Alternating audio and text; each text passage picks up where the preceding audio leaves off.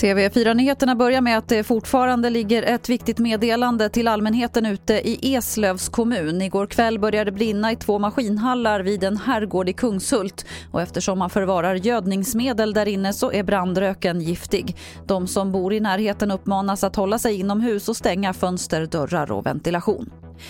Natten till idag ska ett kraftigt ljussken ha setts över stora delar av Sverige och Norge.